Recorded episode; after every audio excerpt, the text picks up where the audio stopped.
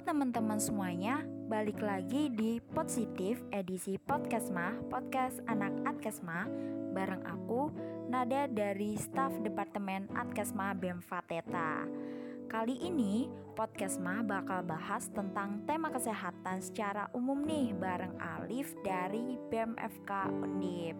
Halo Alif, apa kabar? Halo Nada, baik, alhamdulillah. Alhamdulillah, sekarang ada di mana posisinya? Masih di rumah aja ya, kan uh, kita lagi masa-masa kayak gini banyak di rumah aja juga di rumah. Iya sih, harusnya di rumah aja. Langsung aja perkenalan dulu Lip. Dari nama sama kesibukannya Alip sekarang. Perkenalkan, nama aku Alif Nadia, uh, dari kedokteran umum 2018 FK Undip. Uh, mungkin kesibukannya untuk saat ini masih sama ya kayak teman-teman uh, mahasiswa yang lainnya juga sibuk akademik, sibuk bikin tugas, ujian, sama belajar-belajar ya tipikal mahasiswa gitulah. Terus uh, mungkin kalau non akademiknya sama kayak Nada juga uh, ikut di BEM FK Undip uh, di bidang Pengmas di BMF Founding 2020 ini. Seperti itu. Oke deh, bagian pengmas ya. Ngomong-ngomong soal bidang yang digeluti Alip selama di BEM nih, proker-proker apa aja sih yang ada? Uh, kalau di Pengmas BMFK Undip sendiri di 2020 ini tuh kita ada enam proker. Jadi yang ada yang pertama ada proker FK berbagi, FK peduli, ada sekolah relawan, uh, kolaborasi aktif kesehatan atau kita singkat kolaketan, terus ada desa mitra dan kadiksu. Oh, berarti Pengmas itu lebih ke sosialisasi ke masyarakat ya, baik dalam bidang kesehatan maupun pendidikan. Iya, benar banget. Jadi kayak seperti bidang-bidang mungkin namanya di BEM-BEM yang lain tuh kayak sosmas, sosial masyarakat gitu yang terjun langsung ke masyarakat. Oke Alip, tadi kan udah dijelasin Pengmas itu banyak bergerak di bidang pendidikan sama kesehatan. Nah, pas banget nih sama sharing-sharing kita kali ini yang mengangkat tema tentang kesehatan.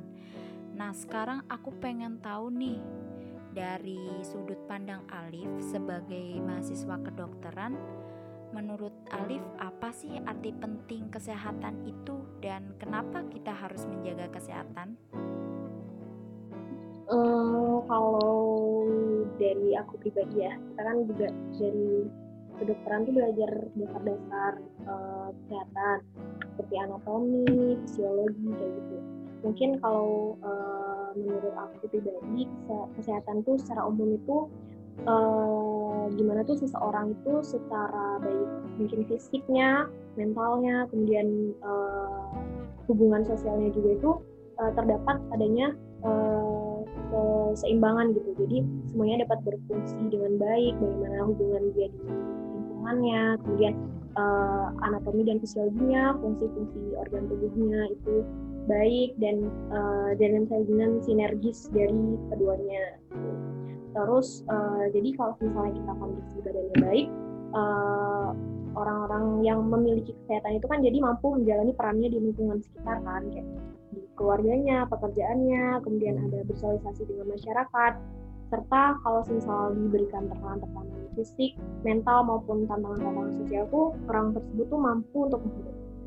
Mungkin seperti itu ya kalau bisa aku boleh ngasih contoh konkret nih. Misalnya uh, orang dikatakan fisiknya itu jika diberikan tekanan itu mampu menghadapinya tuh seperti ini. Misalnya kita kalau uh, mengangkat tangan uh, kalau kita cuma mengangkat tangan lurus aja tuh melawan gravitasi itu kalau secara penilaian motorik tuh skornya tuh tiga ya. Terus kalau misalnya kita berikan tekanan uh, untuk menekan tangan kita buat uh, turun ke bawah tapi kita bisa melawan uh, tekanan itu dengan maksimal, nah itu tuh baru dikatakan skornya tuh maksimal 5 gitu. Jadi kalau orang dikatakan sehat tuh kalau uh, orang itu fungsi fungsionalnya dan juga anatominya itu baik dan mampu melawan tekanan atau tantangan yang Wah menarik banget ya tadi ada istilah tentang gravitasi juga kayak pelajaran fisika. Tapi aku setuju banget sih sama yang kata keseimbangan yang dibilang Alif tadi jadi kalau menurut aku sendiri, kesehatan itu semacam keseimbangan dalam hidup. Soalnya kalau semisal ada bagian dari tubuh kita yang sakit, kan mempengaruhi kinerja dari bagian tubuh yang lainnya. Jadinya nggak seimbang dan nggak maksimal gitu dalam melakukan aktivitas. Jadi penting banget sih buat jaga kesehatan. Iya bener banget. Lanjut lagi nih Lip. Menurut Alip, kesehatan tuh berpengaruh besar gak sih sama kesejahteraan mahasiswa di pandemi kayak sekarang? Uh, pastinya ya menurut aku kalau di masa pandemi ini kan uh, semuanya itu berpengaruh ya baik gak cuma kesehatan sih pasti ekonomi kemudian sosial kondisi mental masing-masing pribadi orang juga pasti uh, berdampak ya di masa pandemi ini uh, dan juga semuanya itu nanti juga mengarah ke penurunan kesejahteraan hidup kita ya. Nah, mungkin kalau mengarah ke khususnya kesejahteraan mahasiswa, uh, dulu tuh di awal-awal pandemi ini kita kelas balik tuh sempat uh, banyak juga teman-teman mahasiswa kita yang kayak mengharapkan perbaikan terkait kesejahteraan gitu kan, sama kayak ada uh, apa namanya isu-isu tuntutan penurunan besaran biaya UKT, kemudian uh, bantuan mahasiswa yang terdampak COVID seperti itu. Nah terus uh, akhirnya kan Bapak Menteri kita kan juga di salah satu wawancara dengan media itu kan beliau bilang uh, bahwa beliau-beliau yang di jajaran Kemendikbud dan Dikti juga bersama para beliau rektor-rektor universitas juga sudah memiliki strategi-strategi juga kan buat mengurangi beban uh, para mahasiswa itu, nggak cuma ekonomi juga. Nah, uh, itu juga sudah kita rasakan ya, kayak bantuan ada kuota gratis, terus uh, dari masing-masing unit juga mungkin ada kebijakan-kebijakan tersendiri, seperti kalau dari unit itu ada uh, bantuan di UKT bagi yang uh, terdampak COVID. Terus menurut aku juga uh, alhamdulillah dengan adanya bantuan-bantuan dan uh, usaha-usaha kita bersama juga yang saling bantu ini dapat mengurangi beban-beban kita bersama di itu sih. Oh, oke. Okay. Berarti kesehatan itu juga berpengaruh ya sama kesejahteraan mahasiswa di pandemi kayak sekarang. Sama juga sih, Lip. Di PB juga ada bantuan UKT baik dari Kemendikbud maupun dari IPB-nya langsung. Nah, sekarang nih mau tahu dong tips atau cara tentang menjaga kesehatan khususnya saat pandemi. Uh, tipsnya nih ya, mungkin kita kan juga kalau uh, lihat-lihat uh, di TV juga iklan-iklan layanan masyarakat juga udah banyak kali ya berseliweran dan digembar-gemborin tuh uh, gimana sih kita menjaga kesehatan dan banyak banget tips-tips menarik juga uh, yang sudah dipaparkan di media-media. Mungkin uh, di sini tuh aku menekankan yang uh, selama pandemi ini ada 3 M itu ya yang paling penting. Uh, apa namanya yang kita terapin di masa kan pertama ada memakai masker mencuci tangan dan menjaga jarak nah uh, saya itu juga pastinya ada dalam kesehatan tubuh juga makan makanan yang seimbang kemudian uh, rajin berolahraga untuk meningkatkan daya tahan tubuh kita. Terus kalau masa pandemi juga uh, di sini kan mungkin kalau cocoknya nih kalau olahraga di masa pandemi itu misalnya kita olahraga-olahraga kayak cardio dan senam-senam yang dari YouTube itu kan gampang ya yang buat kita ikutin. Itu uh, juga bisa melancarkan peredaran darah kita dan asupan oksigen ke sel-sel tubuh kita dan mengatur pernafasan juga jadinya uh, nantinya kita bisa lebih memiliki daya tahan tubuh dan uh, tingkat kebugaran tubuh kita bisa meningkat. Terus yang paling penting juga kebersihan dan higienitas sekitar. Seperti itu sih. Jadi tadi tips atau cara tentang menjaga kesehatan itu ada 3M olahraga, sama menjaga kebersihan. Sekarang ada gak nih list yang gak boleh dilakuin? Hmm, mungkin kayak do and done-nya gitu ya. Uh, iya. Oke. Okay. Nih, tadi kan apa yang 3M itu kan kita diwajibin buat yang pertama uh, wajib untuk pakai masker nih kalau keluar.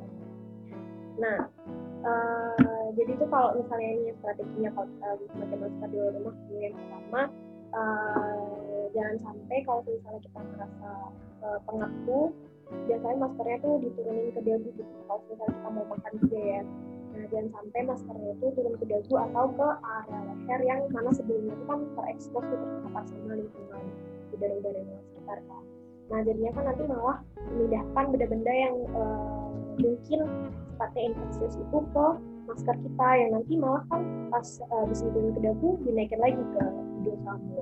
Nah ditakutkan nanti uh, masih ada yang bisa menyebabkan potensi penularan terus kalau misalnya uh, kita makan tuh jadi misalnya kita uh, mau makan di luar nih kan kita harus pakai masker. Kalau makan minum tuh uh, sebaiknya uh, maskernya kan dicopot sebentar hanya untuk makan dan minum.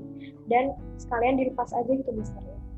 Uh, dan diusahakan area yang kontak tadi bagian masker yang kontak sama mulut dan hidung itu tetap terjaga. Jadi kita bisa simpan dulu maskernya dimasukin misal ke dalam tas terus uh, kalau misalnya kita mencuci tangan nih kan yang kedua tadi ada mencuci tangan. Nah, kita tuh harus rajin-rajin cuci tangan tuh uh, pakai yang pertama air yang mengalir dan juga sabun.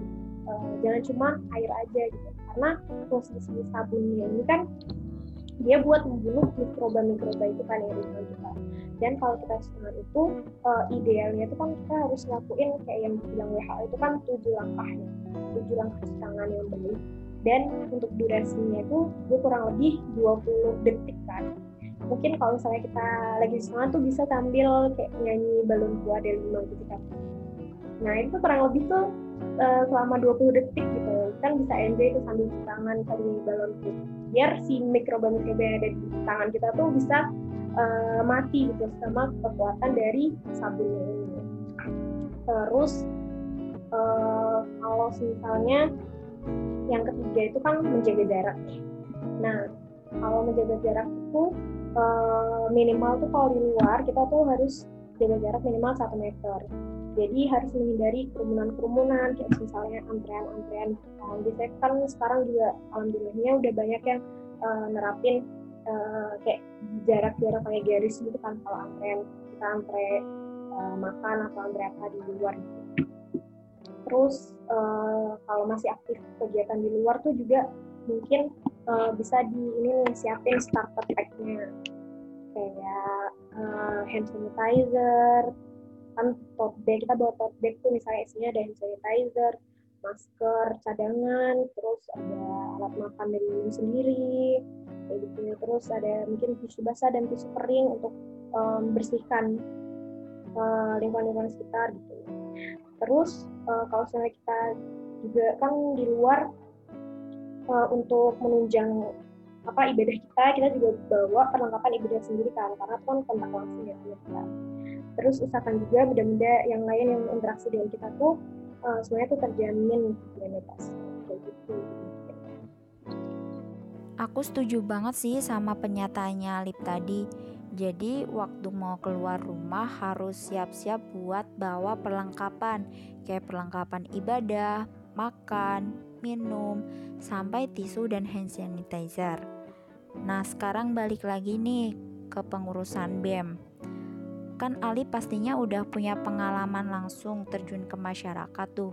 Ada nggak pengalaman yang paling mengesankan?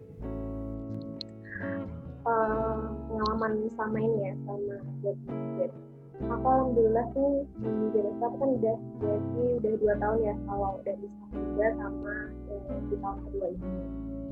Mungkin pengalaman mengesankannya uh, sendiri itu kan selama di BMSP itu yang pertama uh, kita kan ada proker uh, kalau sebelum pandemi itu ada proker namanya uh, bara atau bakti sosial raya itu biasanya kalau di tempat-tempat lain tuh juga nama namanya tuh sama kayak live in gitu loh. Kita tinggal di suatu desa terus uh, kita nginep juga tuh di rumah-rumah penduduk atau warga yang ada di desa itu gitu. Terus uh, nginepnya tuh selama tiga hari dua malam. Nah itu kan pasti kan kayak kerasa banget ya. Kita tinggal uh, di rumah uh, warga desanya terus uh, tidur juga di situ mandi makan juga bareng sama warga-warganya. Gitu terus kalau misalnya mereka-mereka itu apa namanya uh, ke kebun atau ke sawah itu kita juga ngikut gitu. Nah itu yang pertama waktu aku masih staff muda tuh aku ngerasain itu apa uh, gimana sih rasanya kita bisa terjun langsung di kan masyarakat dan merasakan uh, keseharian mereka itu kayak gimana. Wah, kelihatannya asik banget ya.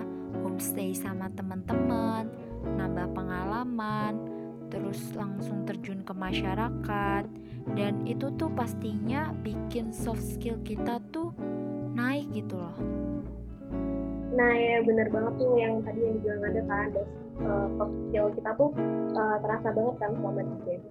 Kayak jiwa-jiwa uh, gimana sih kita bekerja sama sama orang-orang yang uh, mungkin beda banget ya, apalagi timeline waktunya menyesuaikan teman-teman kita dan apalagi kalau BEM itu kan pasti terdiri dari jurusan-jurusan yang beda-beda banget kan uh, gimana sih kita saling toleransi tuh menghargai waktu yang ada juga. Terus uh, jiwa-jiwa apa ya organisatorisnya tuh benar-benar diasah banget sih kayak kepemimpinannya juga kayak gitu benar-benar. Oke sebelum aku akhiri podcast kali ini aku mau nanya dong tentang pesan atau harapan yang ingin disampaikan Alip ke teman-teman mahasiswa khususnya dalam hal kesehatan. Oke, okay. uh, eh. Mungkin kan kita terutama nih, ini kan masa pandemi itu kan uh, benar-benar kayak kondisi yang kita sebelumnya tuh nggak pernah juga kan bakalan ada yang pasti kayak tingkat kesadaran kita akan kesehatan itu kan harusnya juga meningkat ya lebih higienis lagi, lebih teliti lagi dalam menjaga kebersihan dan menyadari uh, kondisi tubuh kita masing-masing. Kita lebih sadar uh, bagaimana sih kondisi kesehatan tubuh kita. Apalagi kan kalau bukan diri kita yang tahu uh, kita tuh sebenarnya tuh lagi sakit atau enggak. Dan juga uh, kita bisa nih sama-sama buat uh, seperti yang gembar-gemborin tuh di mana media-media di iklan-iklan itu selalu mematuhi protokol kesehatan tentunya. Dari yang sudah diiklankan masyarakat dari pemerintah dan juga. Nah di sini itu kita sama mahasiswa yang termasuk ini kan kita kaum yang sudah tercerdaskan gitu ya dan mulai akan informasi-informasi uh, atau biasanya disebut kaum yang intelektual gitu kan nah mungkin kita bisa mampu untuk uh, membantu nih lingkungan-lingkungan sekitar kita yang mungkin belum diberikan kesempatan uh, yang sama gitu untuk melek akan kondisi uh, lingkungan sekitar gitu. kita bisa terus kayak mengedukasi uh, lingkungan sekitar kita masyarakat masyarakat tetangga tetangga yang ada di rumah mungkin bagaimana sih cara menjaga kesehatan yang baik terus uh, contoh untuk berusaha patuh terhadap protokol kesehatan yang ada dan semoga semua usaha-usaha kita nanti uh, yang kita perjuangkan bersama tuh sama-sama semuanya seluruh lapisan masyarakat ini bisa uh, mampu untuk melawan pandemi ini biar segera berakhir. Seperti itu Baik, aku juga minta tolong nih sama teman-teman buat ikut edukasi ke masyarakat dan beri contoh kalau bisa supaya pandemi ini tuh cepet kelarnya. Terima kasih Ali buat tips dan info tentang kesehatannya tadi. Semoga lancar kuliah dan aktivitas lainnya dan juga semoga podcast kali ini bermanfaat untuk semuanya. Serta selalu jaga kesehatan ya, teman-teman. Sampai jumpa lagi di episode selanjutnya. Dadah.